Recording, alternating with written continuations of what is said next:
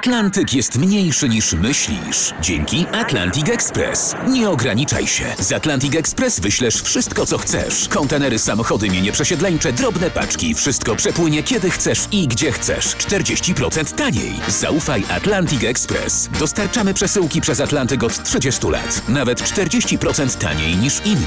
Dzwoń 1 800 775 73 63. Ekspresowo przez Atlantyk. Tylko z Atlantic Express. Mało kto dziś pamięta. Datownik historyczny prezentuje Maciej Korkuć.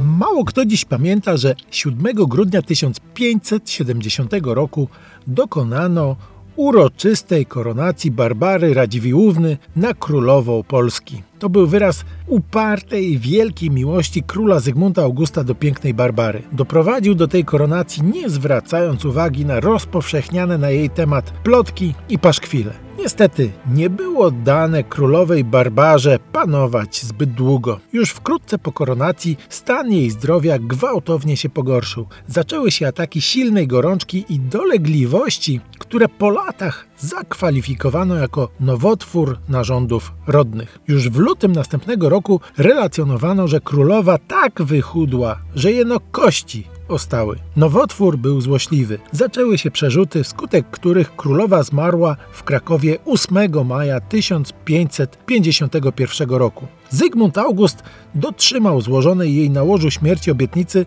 że pochowana zostanie w jej ukochanym Wilnie. Również osobiście wyruszył na Litwę, przemierzając ponad 700 km dzielące Kraków od Wilna. Na przemian, konno i pieszo podążał za żałobnym konduktem. Ten długi przemarsz i pogrzeb trwał niemal miesiąc. Dopiero 23 czerwca zwłoki ukochanej małżonki zrozpaczony król pochował w katedrze wileńskiej, gdzie spoczywają do dzisiaj. Możliwe, że nigdy nie pogodził się z jej śmiercią. Od tamtej pory bowiem ubierał się tylko na czarno. Unikał zabaw, rozrywek i towarzystwa. I taki to był smutny finał prawdziwej, wielkiej miłości króla Zygmunta Augusta do królowej Barbary Radziwiłłówny.